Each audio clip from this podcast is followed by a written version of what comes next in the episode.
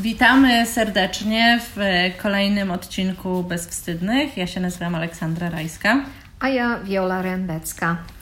W dzisiejszym odcinku, ostatnim w 2019 roku, gratulacje dla nas Tobie też. E, będziemy mówić o edukacji seksualnej. Więc plan na nasze dzisiejsze wspólne spotkanie to najpierw porozmawiamy trochę o tym, jak e, została wywołana burza na temat edukacji seksualnej, którą wszyscy śledziliśmy kilka miesięcy temu. E, porozmawiamy o tym, w czym nam pomaga edukacja seksualna. Porozmawiamy o tym, co jest takiego w tożsamości polskiej, co sprawia, że trudno jest o edukacji seksualnej mówić. E, pomówimy trochę też o, o dzieciach i edukacji seksualnej. Kto wie, może nawet opowiemy o swoich własnych doświadczeniach z podstawówki w tym temacie.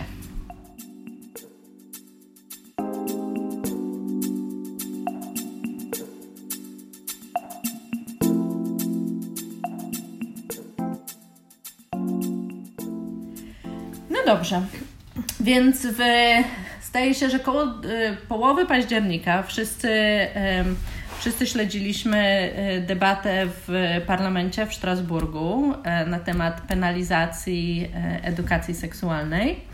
I było to, był to wniosek wniesiony przez polskich parlamentarzystów niedługo po tym, jak WHO, czyli Światowa Organizacja Zdrowia, wydała takie zalecenia i dyrektywy dotyczące tego, że, dotyczące tego, czym ma być edukacja seksualna w szkołach, czego powinna dotyczyć.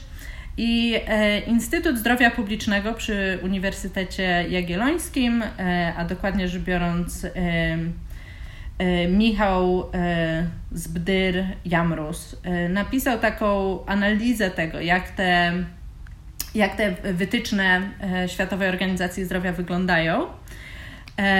W związku z tym, jakby też odnosząc się do tej polemiki, tak, on jakby tam wskazuje na to, że jakby te wytyczne w żaden sposób nie promują permisywizmu jakiegoś seksualnego, czy jakiejś rozwiązłości, tak? Mimo, że o to były oskarżane.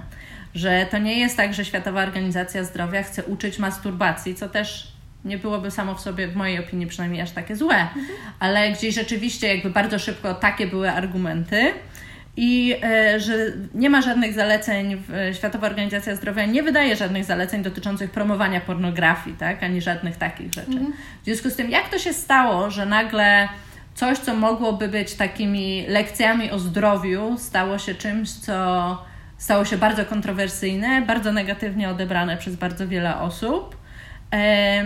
I zanim do tego przejdziemy, to może tak trochę też porozmawiamy o tym, co w ogóle może nam dawać edukacja mhm. seksualna. Czemu to jest ważne, żeby w ogóle mieć edukację seksualną? E, czemu w ogóle mówimy o seksie w kontekście edukacji? Dlatego, że, e, że tak jak uczymy się dbać o własne ciało fizycznie, czyli odżywiać się zdrowo, o, o, ruszać się, chodzić do dentysty, sprawdzać w wypadku dziewcząt i kobiet w regularny sposób, czy wszystko w porządku z naszymi genitaliami. Tak samo musimy wiedzieć, w jaki sposób e, działa nasze ciało w związku z seksualnością, bo to jest nasze ciało. Czyli jeżeli uczymy się tego, żeby rozumieć, co się dzieje z naszymi organami, warto też, żebyśmy wiedzieli, co się dzieje z naszą seksualnością, ponieważ ona jest fizjologiczna i oczywiście psychologiczna, czy powiązana z taką psychologiczną e, tendencją. Wiedza na temat e, edukacji seksualnej wpływa na fizjologię, wiąże się z psychologią, pomaga rozumieć funkcjonowanie ciała, pomaga rozumieć bycie w relacjach, ponieważ na przykład jak mamy miesiączkę, może nie zawsze chcemy uprawiać seks, o może właśnie chcemy uprawiać ten seks, bo to jest jakaś nasza specyfika. W związku z tym jest niezbędne wiedzieć, jak funkcjonuje nasza seksualność, w tym kontekście również, kim jesteśmy w związku z naszą seksualnością, bo to też się zmienia i jesteśmy e, innymi osobami w kontekście seksualności, kiedy mamy rok, kiedy mamy 5 lat, kiedy mamy 15 lat, 25 i dalej, bo wiąże się to ze zmianami, które zachodzą w, naszej, e, w naszym ciele. No ale czemu warto w szkole wprowadzać edukację seksualną? No a dlaczego uczymy się pisać, Ola? No to jest dokładnie to samo pytanie. No właśnie dlatego, żeby rozumieć bardzo podstawowe procesy, które zachodzą w naszym ciele, zachodzą w ciele Twoim, moim, i wszystkich Polaków, którzy mieszkają tak w Polsce, jak i w innych miejscach na świecie. No tak, ale ktoś mógłby zapytać, czemu nie zostawić tego rodzicom? Czemu nie zostawić tego e, do, jako czegoś, co mogłoby być e, w gestii rodziców? Czemu to musi być w podstawie programowej? A, tak wydaje mi się, że to jest takie pytanie mm, trochę abstrakcyjne, ponieważ przekaz na temat seksualności zawsze ma miejsce w rodzinie. Czy on jest werbalny, w sensie, że my edukujemy nasze dziecko, mówiąc, a teraz porozmawiamy o tym, e, co dotyczy Twojej seksualności albo Twojej seksualnej tożsamości. Czy my o tym nie rozmawiamy, to przekazujemy dziecku pewien rodzaj informacji ponieważ jest to wiedza, e, e, to jest wiedza, a nie filozofia religijna, no to warto, żeby również miała miejsce w szkole. Jeżeli uważa się, że religia musi być w szkole, to wydaje się bardzo dziwaczne, że wiedza na temat e, ciała, które jest czymś naturalnym, nie może być w szkole. Co więcej, będzie karane, jeżeli będziemy się tym zajmować no właśnie, publicznie. To jest, to jest uważam jakby taki argument, który gdzieś jakoś mi jest bliski, tak, że jeśli mówimy o tym, że się edukujemy, jeśli mówimy o tym, że się kształcimy i że szkoła jest takim miejscem jakby nauki i że w związku z tym jakby to też są takie informacje, które są poparte wiedzą, poparte faktami. Badaniami, tak? statystyką, obserwacją. To szkoła, szkoła jest jakby miejscem tej nauki. Tak? Ja sobie też tak myślę, że gdyby um, moje własne e, lekcje e, wychowania seksualnego nie były prowadzone w atmosferze e, podstawówkowego skandalu, tak? tylko mhm. właśnie czegoś, co jest wiedzą, taką, a nie inną, to myślę, że różne informacje dużo łatwiej jest przyswajać, tak? A też e, wiedza seksualna pozwala młodym ludziom, którzy zaczynają współżycie, zaczynają różnego rodzaju tak, eksplorację swojej własnej seksualności, podejmować decyzje, które są bardziej świadome, tak? Mhm. Dotyczące tego, co im pasuje, co im nie pasuje. Czego co... chcą, czego nie chcą, ale też co jest dla nich zdrowe, E, i bezpieczne, i co jest dla nich niezdrowe i niebezpieczne. To również jest bardzo ważne.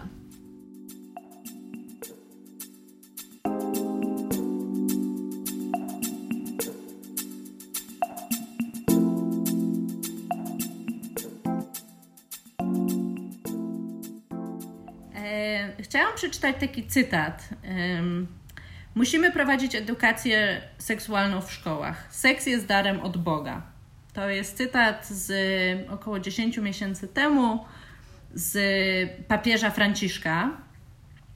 I tak sobie myślę, że czasem jak mówimy o edukacji seksualnej, to bardzo łatwo powiedzieć, a te osoby, co są religijne, są przeciwko, te osoby, co nie są religijne, to są za. Podczas gdy tak naprawdę osoba, która stoi gdzieś na czele Kościoła katolickiego, y, mówi bardzo otwarcie o tym, że właśnie dostęp do wiedzy i dostęp do tego, o czym Wiola wcześniej mówiła, tak, czyli jakiegoś takiego bezpieczeństwa związanego z seksem i jakiegoś takiego też cieszenia się seksem, jako akurat w pojęciu papieża Franciszka daru od Boga, y, jest czymś, jest czymś, co jest ważne, tak? I tak sobie jak gdzieś czytałam ten cytat na, e, akurat na deon.pl, czyli takiej e, też stronie, która, która jest stroną religijną, e, to tak sobie myślałam, jak to jest i o co chodzi z tym, że z tym pragnieniem zakazu, z tym pragnieniem właśnie tego, żeby różne rzeczy gdzieś jakoś wyrzucić poza nawias i tak sprawić, żeby, żeby one właśnie nie istniały, tak jak mówiłyśmy wcześniej, tak, w takich no, żeby nie istniały w takim, nie wiem, tam gdzie jest światło, tam gdzie jest edukacja, tak? Tylko żeby one gdzieś tak były zepchnięte do jakichś takich ciemnych zakamarków, tak? Jakby skąd, skąd I od takie razu pragnienie? obarczone wstydem, a tajemnicą, czymś podejrzanym, czymś niewłaściwym. No właśnie, więc jakby ja się gdzieś tak sama dla siebie za, zastanawiałam nad tym i jakieś takie moje własne hipotezy na ten temat. Czemu, czemu ten zakaz? Czemu to jest takie czemu to jest takie ważne, żeby to zakazać, nawet jeśli sam papież mówi, że to jest okej, okay, tak? Mhm. To ja sobie gdzieś myślałam o tym, że jest coś takiego w ja nie chcę powiedzieć w Polakach, w nas, bo trudno mi tak dokładnie powiedzieć, tak, ale że jest jakieś takie pragnienie, że może jeśli się o czymś nie będzie mówić, albo jeśli się nie będzie o tym mówić otwarcie, to to zniknie, tak? Mhm. Że może jeśli nie będziemy mówić o seksie otwarcie, to ten seks jakoś zniknie, mhm. tak? Może jeśli nie będziemy mówić o przemocy otwarcie, to ta przemoc zniknie. Mhm. Podczas gdy tak naprawdę, jeśli coś, to to odwrotny proces ma miejsce, tak? Rzeczy, mhm. o których się nie mówi, stają się czymś, co nas tak kusi właśnie, z mhm. takim owocem zakazanym, którego się właśnie bardziej pragnie, który bardziej gdzieś tak e, podnieca, tak? E, to to jest jakaś taka myśl, którą ja miałam na temat, mhm. na temat tego zakazu, czy takiego pragnienia zakazywania w ogóle mhm. czegoś. Ja sobie myślę, że e, seksualność jest takim tematem kontrowersyjnym we wszystkich kulturach.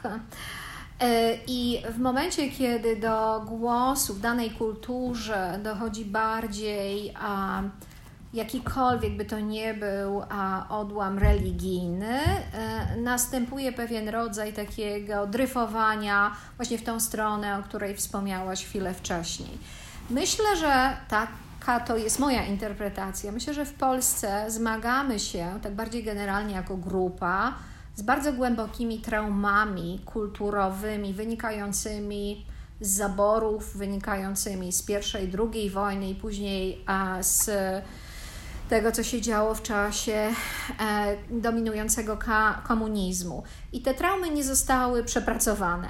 I pewne rzeczy, na przykład seksualność, nasza polska seksualność, jest obarczona, myślę, że głębokimi traumami, która które wracają czy odzywają się w formie zakazywania i właśnie takiego z psychologicznej perspektywy takiego uży... usuwania też. Tak, psychologicznie moglibyśmy użyć określenia, że się zaprzecza. To jest jeden z takich mechanizmów, prawda, który dominuje w momencie, bardzo często, a właściwie zawsze ma miejsce wtedy, kiedy zmagamy się z traumą. Zaprzeczanie jest jednym zmagamy ze sposobów. Zmagamy się z jakimś konfliktem, tak? W sensie zaprzeczenie jest jakimś takim e, klarownym wyjściem z konfliktu. Konflikt jakby sam, sam z siebie jest taki... Mm, bardzo po, niepoukładany, taki brudny, taki jakiś właśnie, że mamy różne mieszane uczucia. W Ale mamy też sprawie. obciążenia, prawda, wynikające z zaprzeszłych doświadczeń, z transgeneracyjnych przekazów i z pewnego wizerunku, który jest nam, że tak powiem,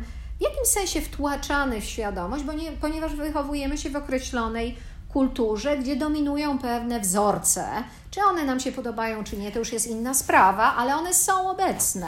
Tak, ja sobie też tak trochę myślę, że takie mm, właśnie w kontekście tak jakby zakazu edukacji seksualnej, jakby takie powiedzenie, że tego seksu nie ma, także to o czym mówimy, że tego nie będzie jakoś, też w związku z tym potem powoduje taki lęk, że jeśli o czymś będziemy mówić, to to się stanie... Jakiś to... monster, to będzie jakiś potwór, Ale prawda? nawet nie tylko tyle, że to w ogóle stanie jakby, sprawi... damy temu życie przez to, że o tym mówimy, tak? Mhm. Podczas gdy tak naprawdę te wszystkie rzeczy już są, tak? To nie jest tak, że e, młodzi ludzie w szkole nie myślą o seksie, Oczywiście. a my mówiąc im o seksie sprawimy, że oni zaczną o tym myśleć.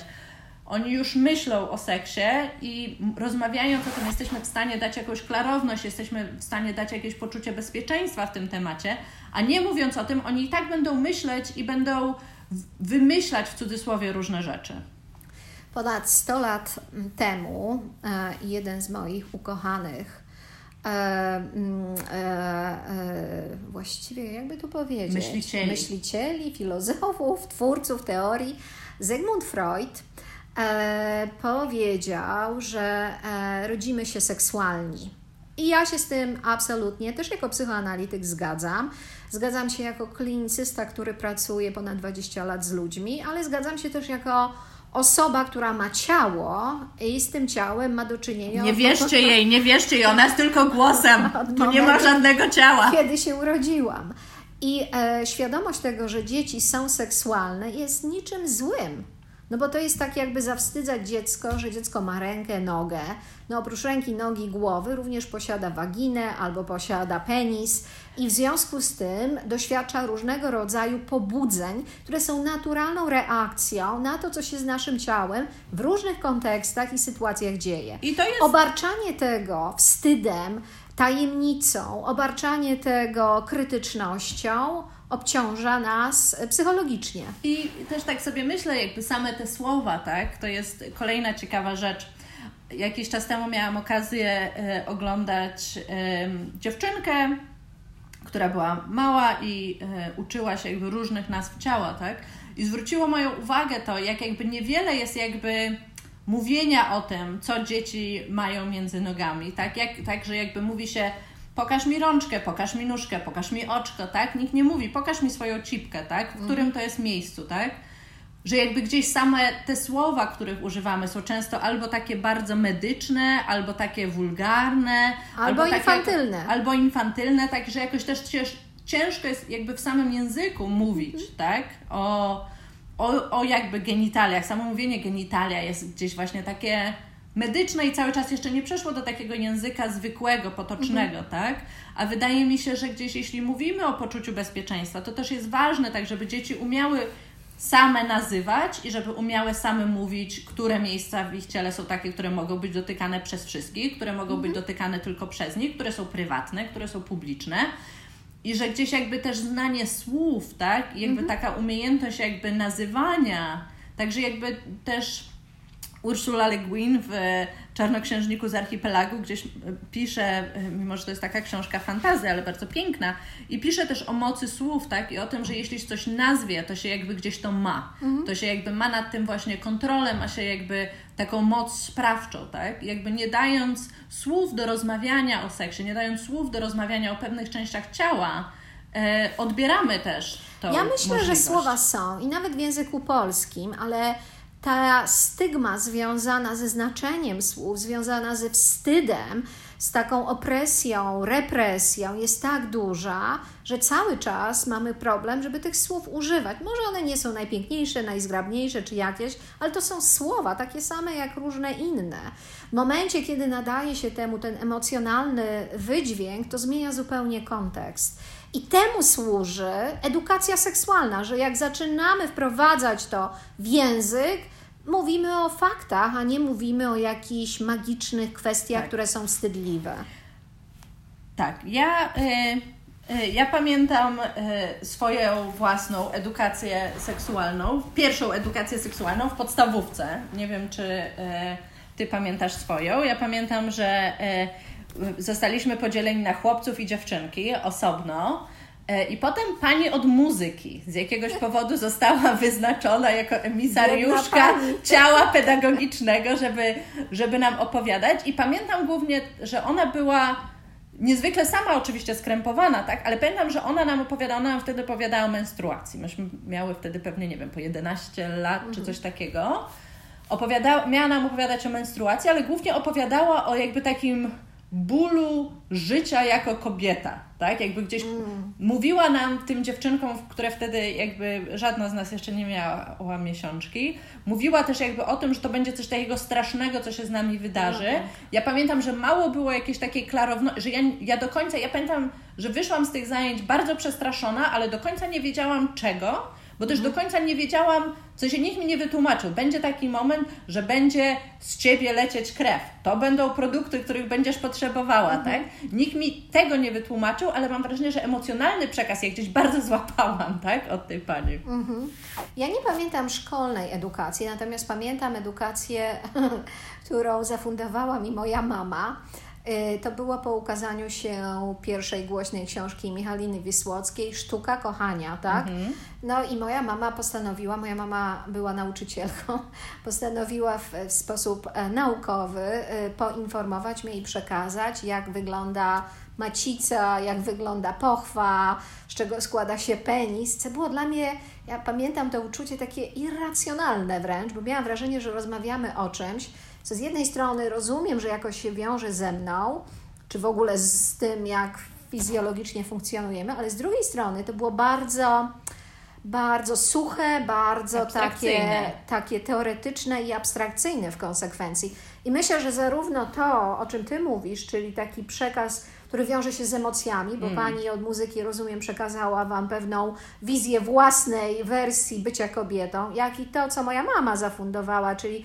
porozmawiajmy o technicznej stronie bycia kobietą czy mężczyzną, nie jest najlepszym sposobem na edukację seksualną. I też znowu, tak, jeśli gdzieś myślimy o tym, że ta edukacja seksualna to będzie coś takiego, co się wydarzy w jednym momencie, No tak, właśnie. gdzieś znowu, znowu wracając do słów, tak, to są pewnie takie rzeczy, które fajnie, żeby istniały w życiach dzieci wcześniej, żeby to były takie rzeczy, które gdzieś mogą być Naturalne. i o których można mówić i które mogą jakoś gdzieś być właśnie w tej strefie światła, a nie w tej strefie mroku i ciemności. wstydu i tego, że trzeba to represjonować. Jak pewnie z tego odcinka wynika, obie jesteśmy za edukacją seksualną, tak w Polsce, jak i we wszystkich granicą. innych miejscach na świecie. Tak, to prawda. E, Bardzo dziękujemy Wam za wysłuchanie. Tak jak zawsze, bardzo czekamy na wszelkie recenzje na Facebooku, rekomendacje, komentarze, pytania. Możecie do nas pisać na bezwstydne podcast na gmail.com. Możecie do nas e, pisać na Instagramie, na Facebooku. Możecie się z nami kontaktować jak tylko chcecie. Bardzo się zawsze cieszymy, jak od Was słyszymy. Pozdrawiamy serdecznie, żegnamy w tym roku i do usłyszenia Do w usłyszenia w następnym. 2020.